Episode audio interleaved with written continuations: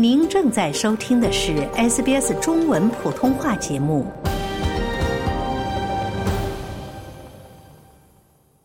穿梭街头为人们送上热腾腾美食的外送骑士，现在自己却面临着没饭吃的窘况。我现在马上要交房租，没钱了。我这一段时间吃饭，我都是我我屋里那个女生给我送的。是，其实我是她，因为她是看到我这一段时间没有工作，呃，没有收入，所以她就给了我很多吃的。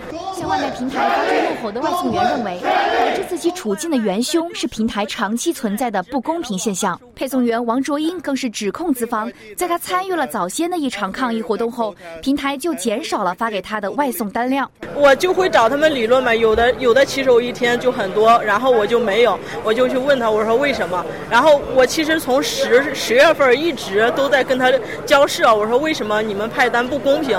然后呃那个他们就一概就。就是呃，就回复就是系统派单。他还拿出数字说明，上线八十个小时接到十四单，总共收入只有七十块澳币左右。工会代表说，Uber 和 Manulog 也在谈改革。实际上，他们已接受改革是一件好事，但熊猫外卖没有接受，导致这些工人被剥削，使他们置于致命的危险之中。这必须改变。也有配送员保持不同看法。我个人感觉我是 OK 的，我们他们每个人都有个别，就是说自自己独有的一个情况，就感觉是属于小题大做的那种。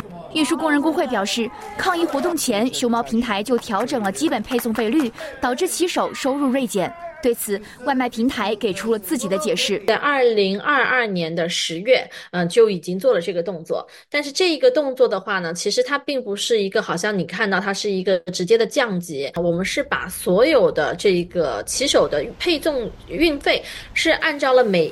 一百米作为了一个单位去进行不断的加价，所以说在真正的骑手的这个配送过程当中，嗯，他们的这个配送的运费是没有没有什么特别，没有什么具体的变化，可能还有一一定的上涨的，因为我们把它的这个 block 变小了。此外，在二零二零年，熊猫骑手陈小军因为着急送单，在途中发生车祸身亡后，零工族的工作安全一直都是外界关注焦点。相关人员表示，为了提高安全度。我们 rebranding 最重要的一个举措就是把整个品牌色的蓝色换成了黄色。黄色是这个在交通上面，嗯，相对最安全的颜色。你作为一个当时已经运营了五年、根深蒂固的一个品牌色，我们做出这样大的一个呃变化。了解澳洲，融入澳洲，欢迎登录 sbs 点 com 点 au 前斜杠 language 前斜杠 mandarin，获取更多澳大利亚新闻和资讯。